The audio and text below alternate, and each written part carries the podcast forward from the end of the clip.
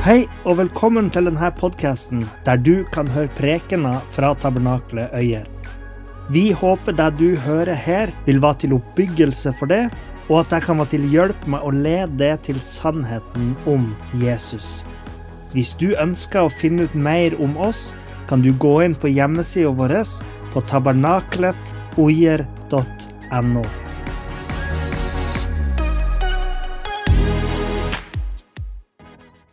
I Lukas 11,1 så står det slik Det skjedde at han var et sted og ba.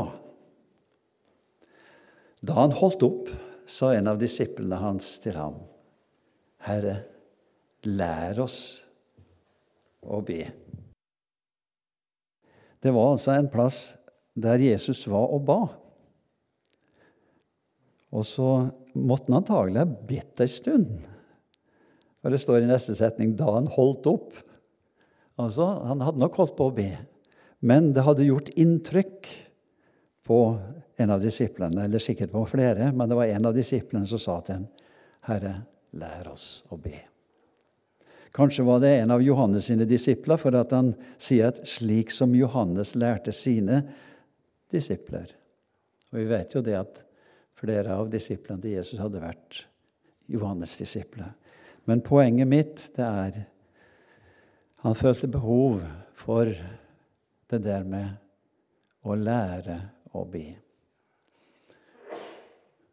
Og det er nok noe av det samme vi føler alle sammen. Jesus, lær meg å be. For det er så mange behov. Mange lider nød. Mange har det vanskelig. Men vi trenger det også for vårt eget gudsliv.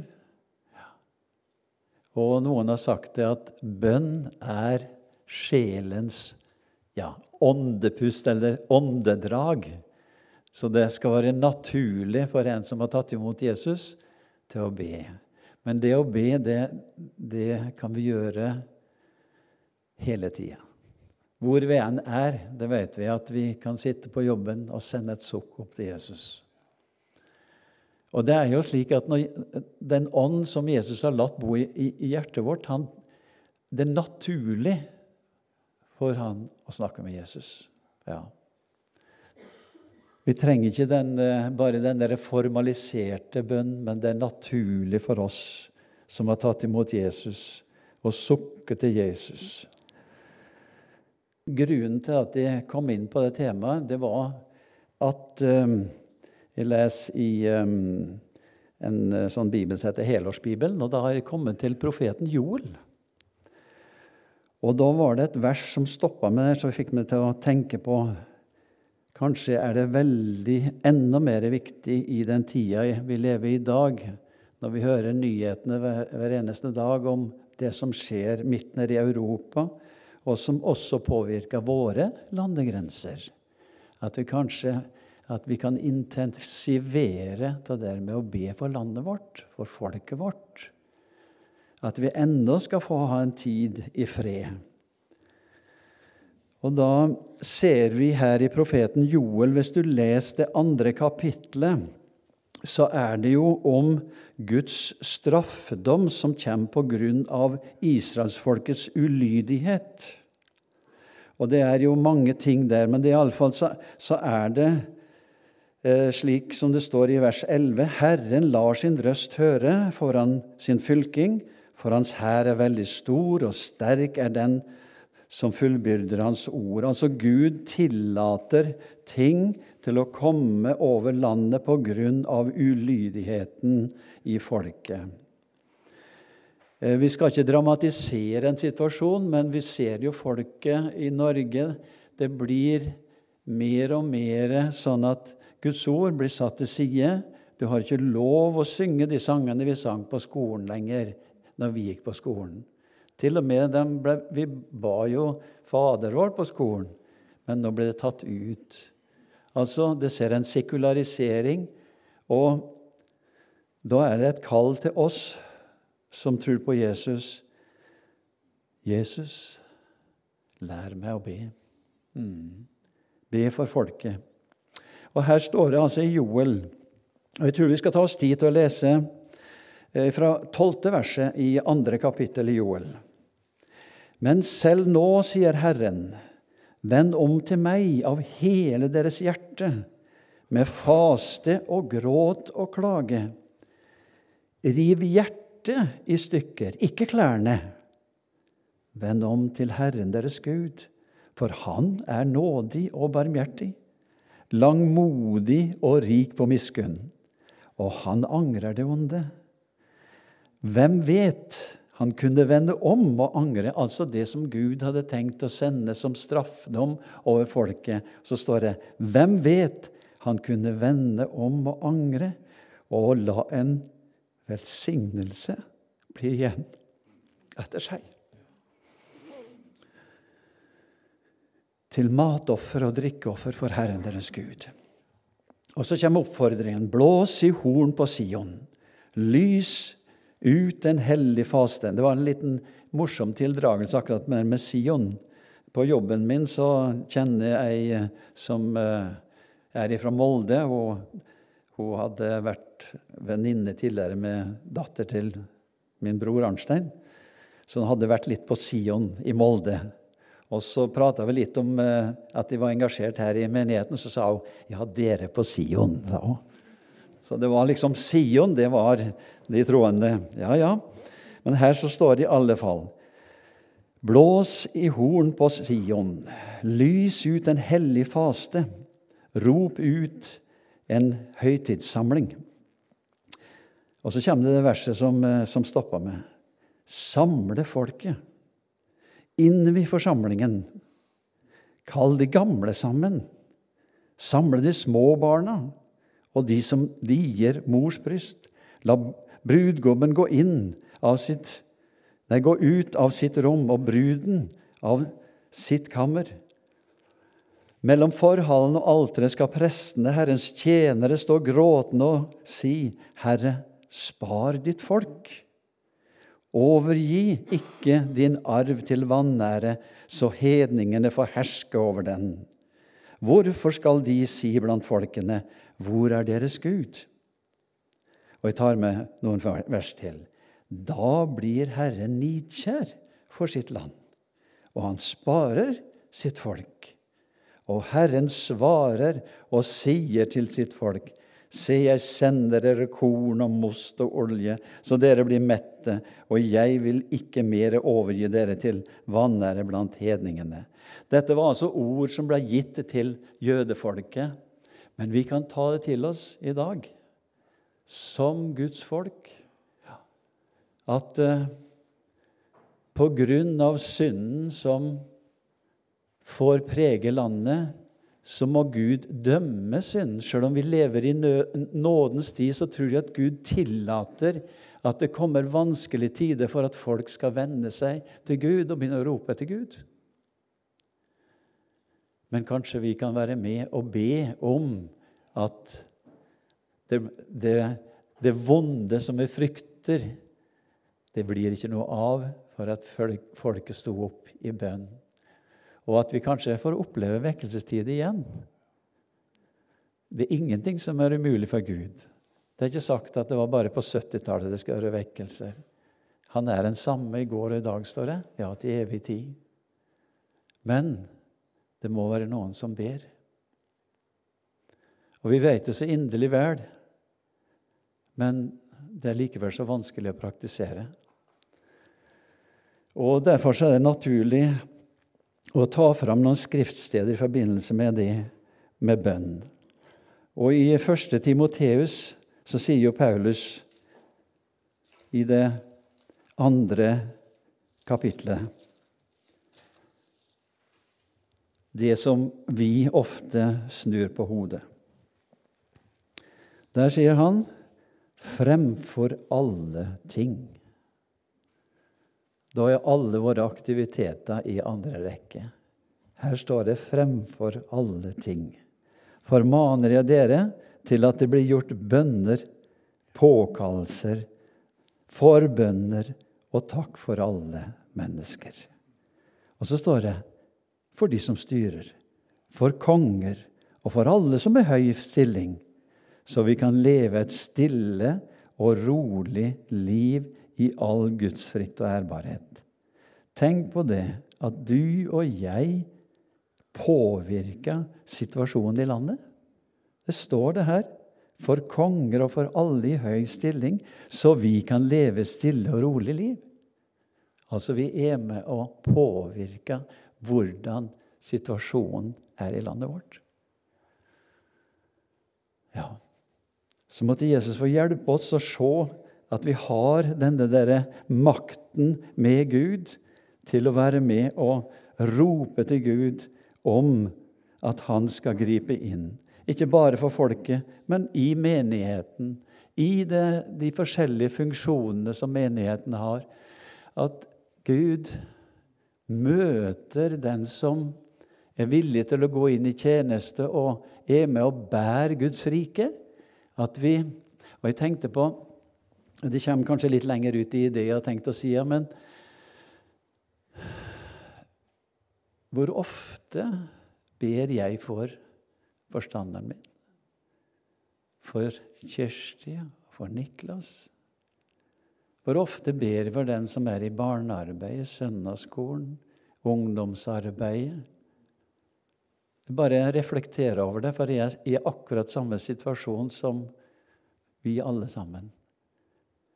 Det er så lett å glemme den derre forbønnen, og at vi løfter hverandre opp, og at vi kan få hjelp til å utføre Guds verk der vi er satt. Men da trenger vi å be for og med hverandre. Og jeg tror det er slik at det til mer vi ber for hverandre, til mindre misunnelige blir vi på hverandre. Det er liksom legedom i det der med å be. Det, det skaper friskhet i menigheten. Det, det, blir liksom en trivselsfaktor når du, når du har lagt noen framfor for Jesus. Og hvis det er noen vanskelig situasjon, og det, det, vil det jo nødvendigvis vare, at det er meningsbrytninger Det skulle bare mangle i menigheten som der vi er så forskjellige. Men da skal vi i stedet for å trykke på vår rett, så skal vi få lov å løfte hverandre fram for Gud. Og jeg syns han sa det så fint, han Briseid, som dere kjenner mange. Det var snakk om noen som eh, ikke var slik som de mente han skulle og burde være. Og så sier han det så fint. Ja, det er mange slags blomster i Guds hage. Ja. Da ble liksom brodden borte. At vi kunne se storheten i hverandre og løfte hverandre opp. Ja, det der med å be for og med hverandre står det, og å be for våre ledere, der står det dette er godt og til behag for Gud, vår frelser, Han som vil at alle mennesker skal bli frelst. Ordførere kan bli frelst. Kommunestyrere kan bli frelst. Ja da, vi trenger at det er at Guds, Guds ord får slått rot igjen i folket, og at de kommer til sannhetserkjennelse, som Paulus skriver om. Og her altså sa da Paulus 'fremfor alle ting'. Og i Kolossenserbrevet så oppmuntrer han oss i det tredje kapitlet, og jeg har vel henvist til det flere ganger er dere da reist opp med Kristus? Ja, da søk det som er der oppe, der Kristus sitter ved Guds høyre hånd. Ja, vi er oppreist med Kristus. Ja, men da søk der som er der oppe. Det er noe å hente der. Det er noe Du har en himmelsk konto. Og hvor Jesus ønska at vi skulle være enda mer ivrig på det området der og søke det som er der oppe, der Kristus sitter ved Guds høyre hånd. Han er så nære Gud som det går an. Og vi ser det i et, et annet vers her også. I uh, det sjuende kapitlet i Skal vi se ja, Vi skal ta med oss det fjerde kapittelet i Hebreabrevet. Og som Olav sa, Bjarne er en bibelbjarne, så det, bare, det er akkurat det jeg liker. Og det er Hebreerne 4, 16, så jeg skrevet. Og i forbindelse med det at vi skal komme og søke det som er der oppe, så står det der i Hebreerne 4 og vers 16.: La oss derfor med frimodighet til fram for nådens trone, for, at, for at vi kan få miskunn og finne nåde til hjelp i rette tid. La oss med frimodighet. Og hvorfor med frimodighet? Jo, fordi at Jesus har åpna veien. Du kommer ikke fram for nådens trone pga. din egen flinkhet. Der har vi ingenting å komme med. Men av nåden, av korset, av det som Jesus tok på seg der, da har vi adgang innenfor Faderen, står det. Og det står jo her i versa før også vi har ikke en ypperste prest som ikke kan ha medlidenhet med oss i vår skrøpelighet, men en som er prøvd i alt i likhet med oss, men uten synd. Så la oss derfor med frimodighet tre fram for nådens trone. Du trenger ikke å slå hodet ned når du kommer fram for nådens trone, men du kan løfte opp hodet mot Jesus og si, 'Takk, Jesus, du har åpna veien, og jeg kan med frimodighet komme fram for nådens trone.' Og ved nådens trone så er det ikke bare at jeg kan komme fram for Jesus med det jeg har på hjertet, men der har jeg en som lytter til deg. Og Det står i det sjuende kapittelet i Hebreabrevet og det 25. verset. Derfor kan han også fullkomment frelse dem som kommer til Gud ved ham, da han alltid lever for å gå i forbønn for dem.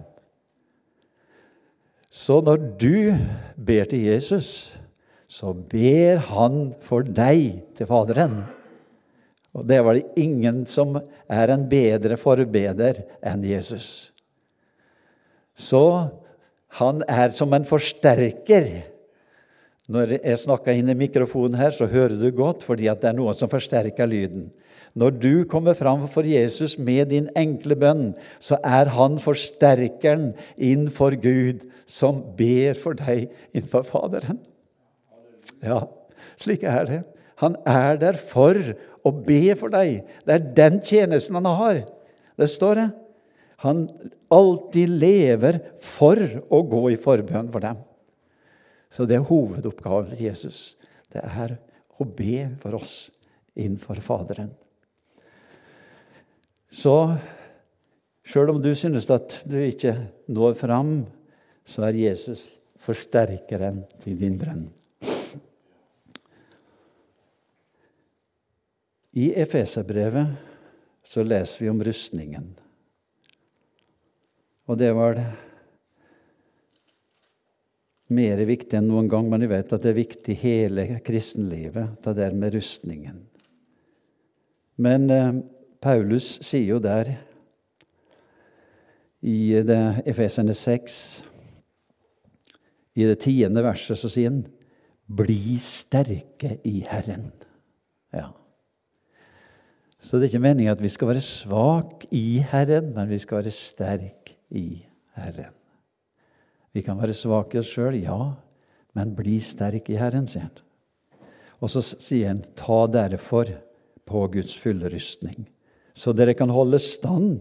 Og så ser vi da den kampen som jeg og du står i, som vi vet så inderlig vel hva det er for noe. For det står her vi har ikke kamp mot kjøtt og blod, men mot maktene, mot myndigheten, mot verdens herskere i dette mørket, mot ondskapens ånde her i himmelrommet. Derfor ta Guds fulle rustning på. Så dere, Og så syns jeg det er så fint det som står i vers 13 så dere kan gjøre motstand på den onde dag og bli liggende flat etter å ha Nei, det står det ikke. Der står det 'å bli stående etter å ha overvunnet alt'. Så det er ikke bare at vi skal kjempe og vi er helt ferdig. Nei, han sier det. Vi skal bli stående etter å ha overvunnet alt. Og hvorfor, det, hvorfor går det an? Jo, fordi at han avvæpnet maktene og myndighetene, står det, da han viste seg som seiersherre over dem på korset. Ja. Det, det er jo et veldig til bilde når altså noen har vært i en hær og har vært i krigen, tar med seg fanger, og står det stiller dem åpenlyst til skue. Se, jeg har vunnet seier over dem. Og slik gjorde Jesus med alle åndsmakter. Så i ham så har vi det som Paulus sier Jeg formår alt i ham som gjør meg sterk stand. Det er liksom ikke små ord, men han sier i ham formår jeg alt. Fordi at Jesus sa 'Jeg er all makt i himmel og på jord'. Så det er på grunn av Jesus at vi kan seire.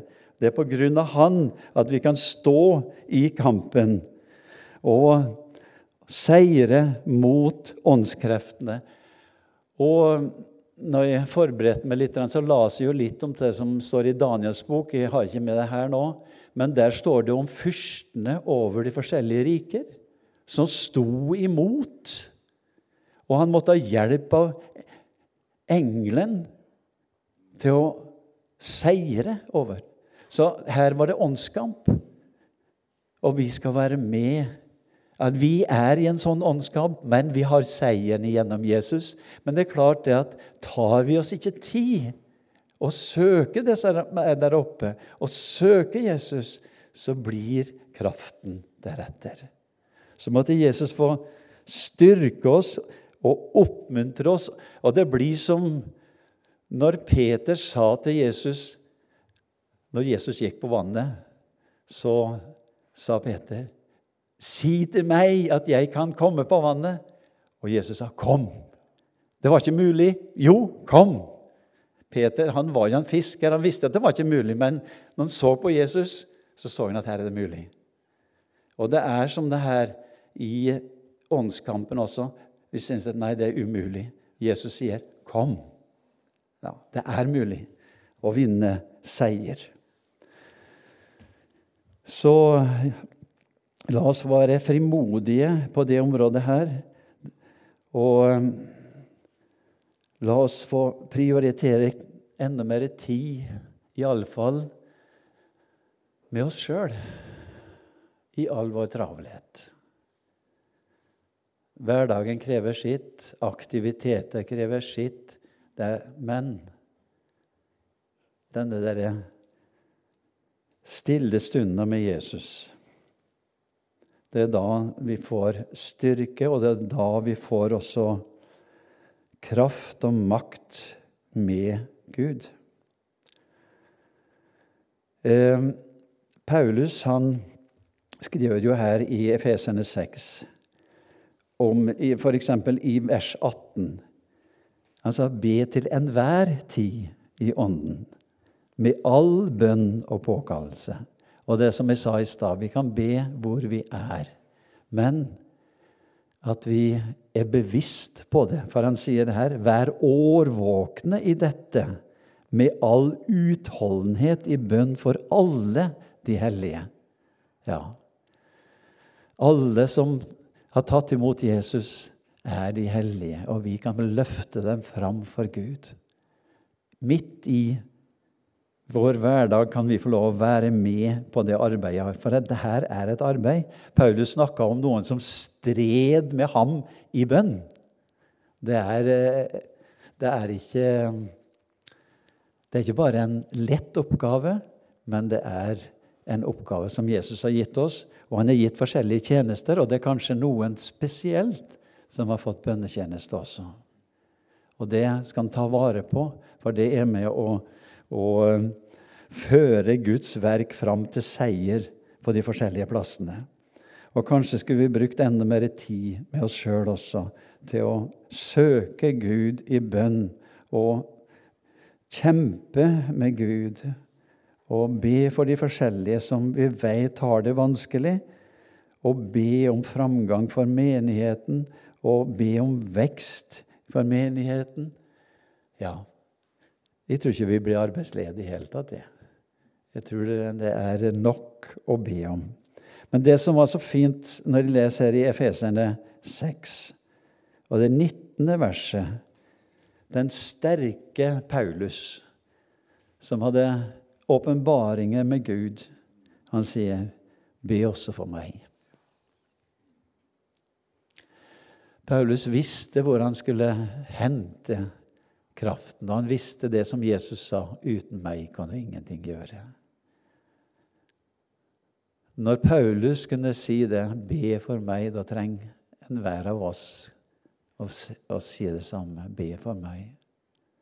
For i Guds rike så er det ikke vårt navn og vår posisjon som skal fram, men det er Jesu navnet. Og jeg syns det var så fint eh, Faktisk så tok jeg meg tid til å se på, på gudstjenesten på TV-en i dag. Og presten som talte, var veldig Jesus-fokusert. Og eh, det syns jeg tenkte Du verden, her får hele, i fall muligheten for det hele norske folk å høre en klar forkynnelse om hvem Jesus er. Og jeg oss i, i dagen som vi får sammen med Korset seier, om akkurat den presten som sier at min, mitt håp er å få male Jesus så tydelig for folket. Ja. Så det er akkurat det der at eh, vi skal få lov å peke på Jesus og ikke på oss sjøl. Og han blir stor, og da kan det skje store ting. Ja I Ja, hva har jeg skrevet mer her, da? Jo, i apostelgjerningene, det andre kapittel, så kjenner vi jo likt til de første kristne.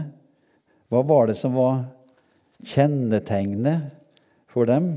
Skal vi se her i apostelgjerningen, det andre kapittelet, og vers 42. Der står det de holdt urokkelig fast ved apostlenes lære, ved samfunnet, ved brødsbrytelsen og ved bønnene. Så det var et fast mønster hos dem tid til bønn, sammen med det andre.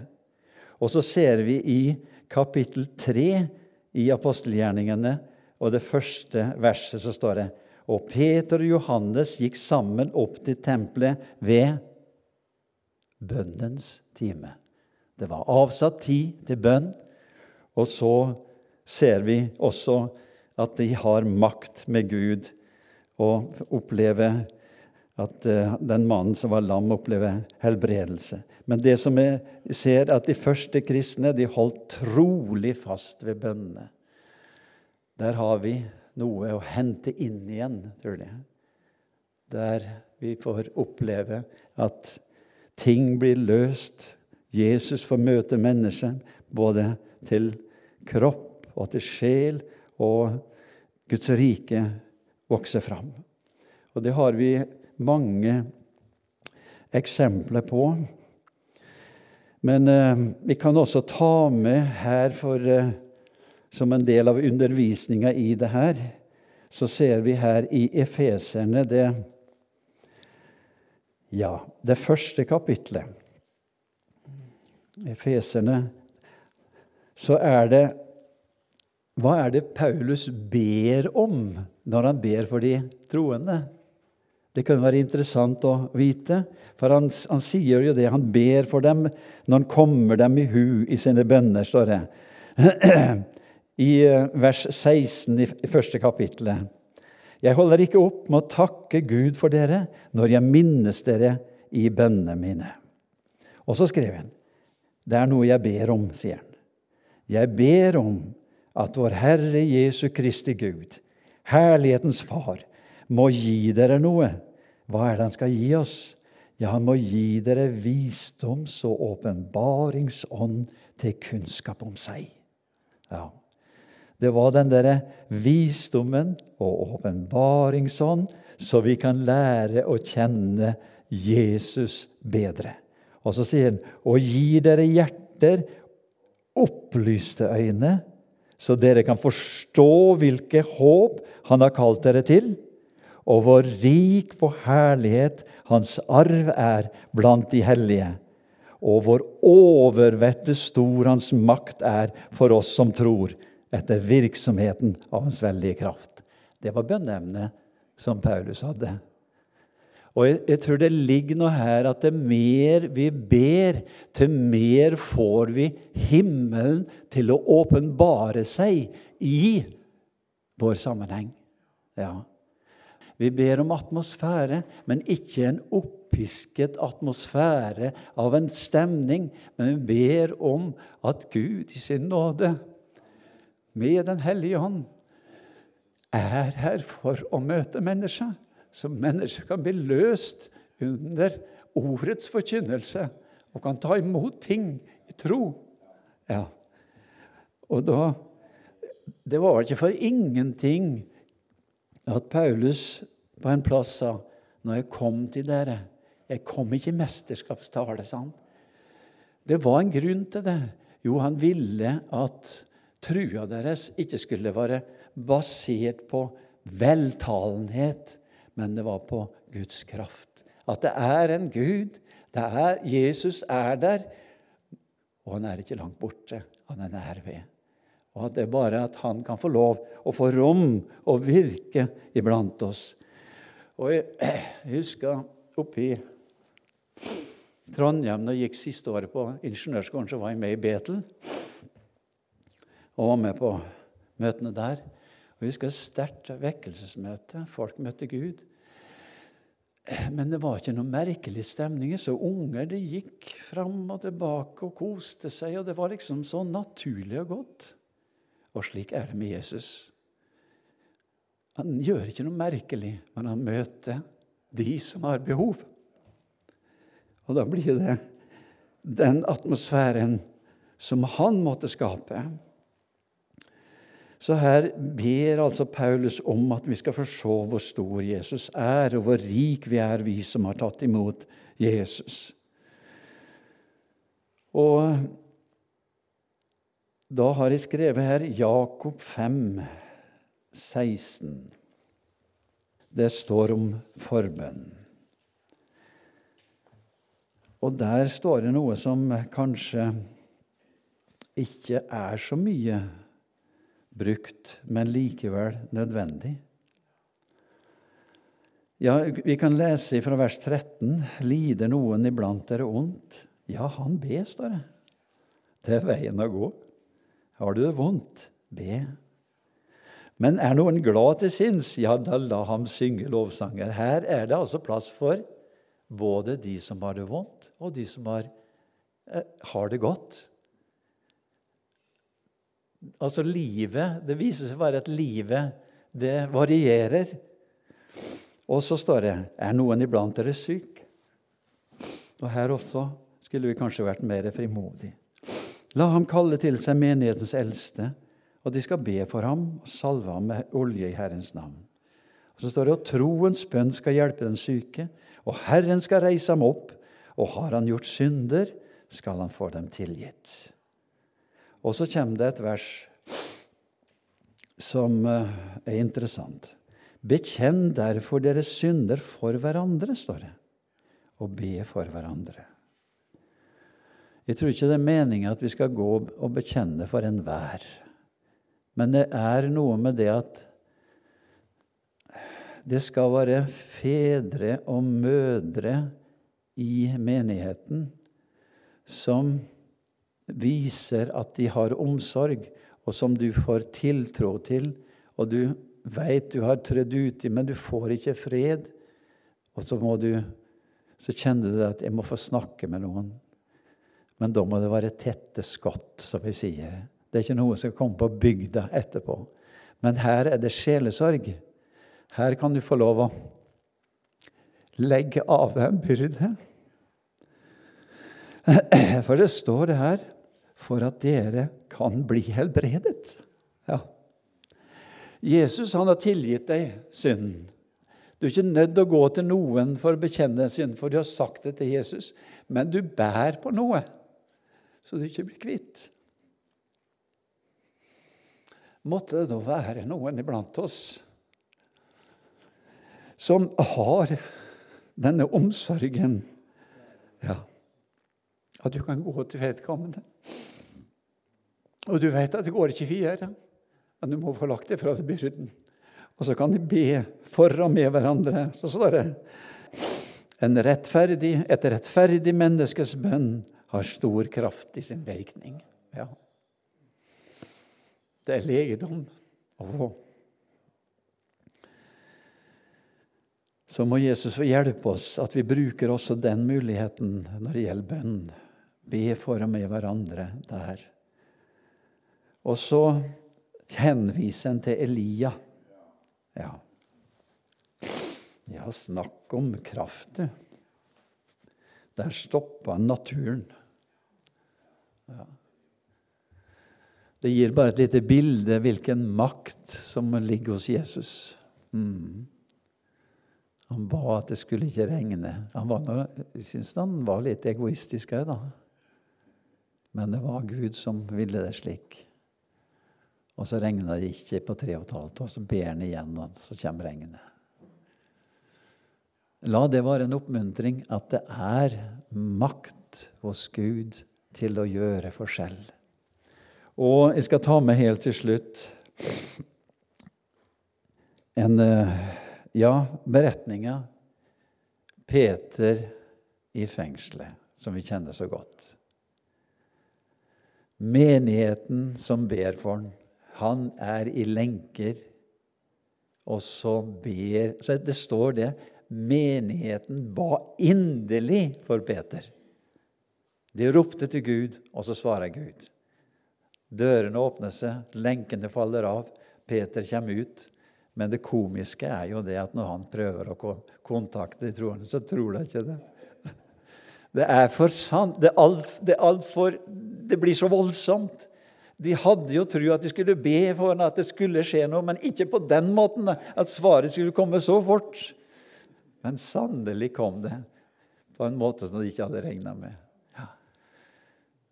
Jeg, tror, jeg, tror lik, ja, jeg tror Jesus liker å overraske. Ja. Han, eh, jeg skulle til å si, han har det med det at han overrasker. Så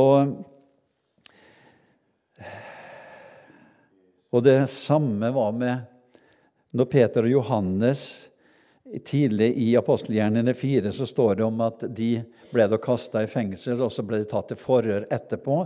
Og så blir de sluppet fri, og så kommer de tilbake til menigheten. Og så ber menigheten samdrektig. Og det blir en så voldsom bønn at det står at stedet skalv. står det. Så sjøl naturen blir påvirka av bønnene som vi ber. Det var vel en gang her, eh, Birger, at uh, vi mangla litt regn, gjorde vi ikke det? Og så hadde det vært tørt lenge. Så sier Birger at vi trenger regn hvis du skal gjøre noe her utenfor, for det var så støvete. Ja, regn skal bli, sa jeg litt i sånn, litt overmot, men det, jeg sa regn skal bli. Den dagen kom da vi skulle gjøre dugnad. Vi fikk nesten ikke gjøre noe dugnad, for det øste ned. Jeg tror at Jesus han, han eh, kan gjøre sånne der, kan vi kan kalle det overraske oss med, bare for å vise at han har makt. Så skal jeg ta med helt til slutt noe som står i Matteusevangeliet, det 15. kapitlet. Og det er om ei dame, den kananeiske kvinnen, står det. Matteus 15, 21.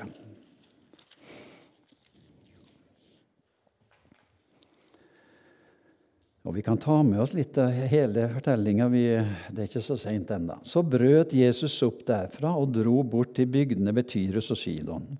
Og se, en kananeisk kvinne fra disse traktene kom og ropte til ham og sa, Herre, du Davids sønn, miskunn deg over meg, min datter plages ille av en ond ånd.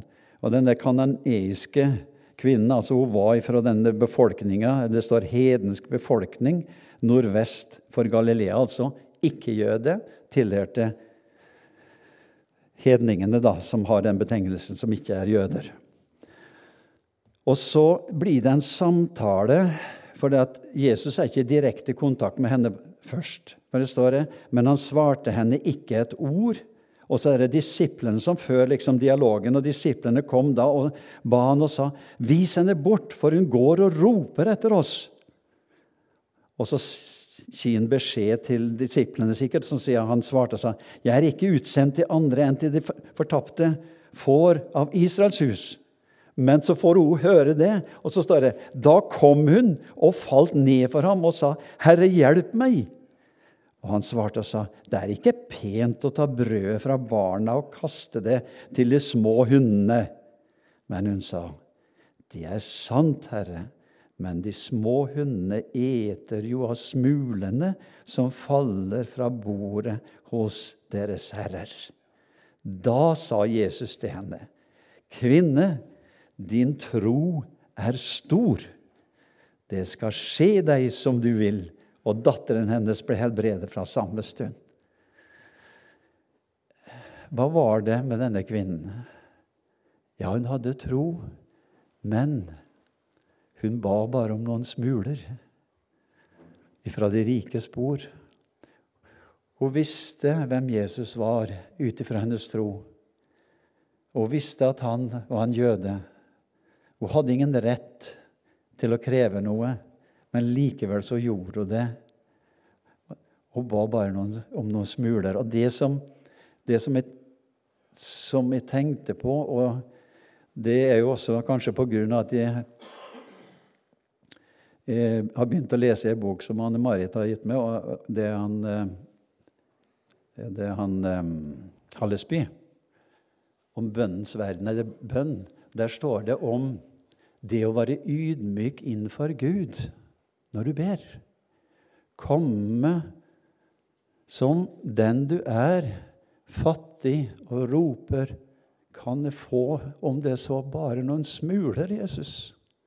Men du skjønner kvaliteten på smulene like godt som brødet. Han er rik nok for alle som påkaller hans navn, står det. Og når du ber kanskje om smuler, så gir han det mer. Salomo han ba om å være lydig, og så ga Gud han noe mer.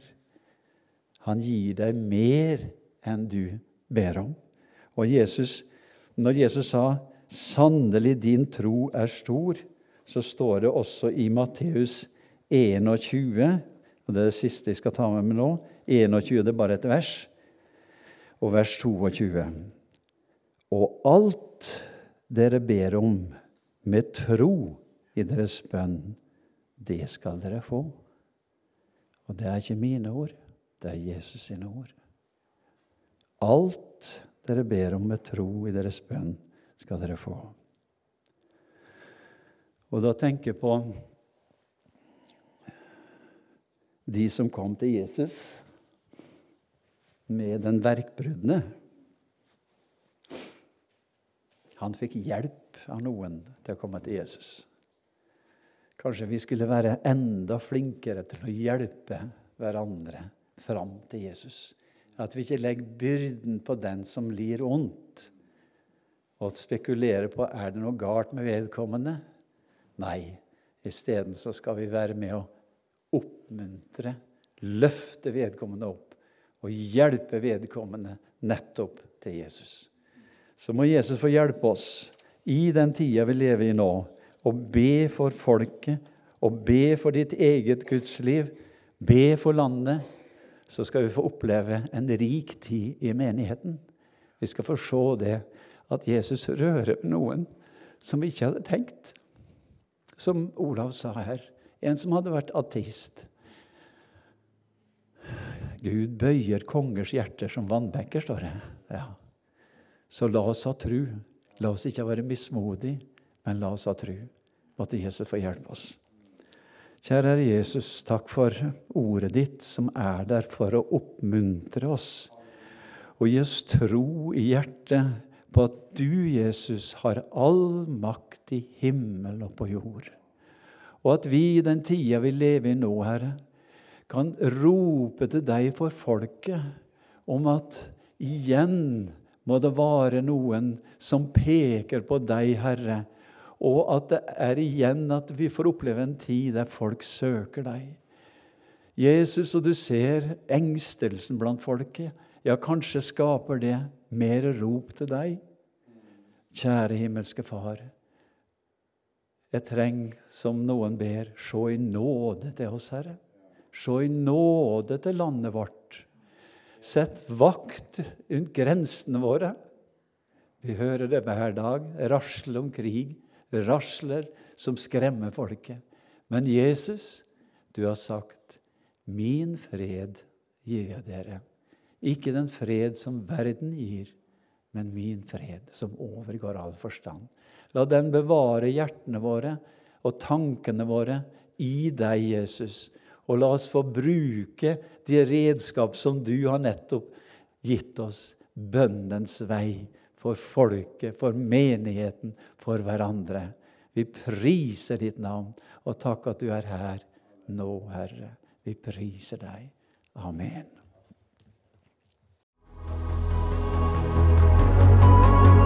Takk for at du hørte på. Hvis du tok et steg i tro i dag, eller du har noe du ønsker forbønn for, så vil vi gjerne høre ifra det via e-postadressen kontakt alfakrølltabernakletOyer.no.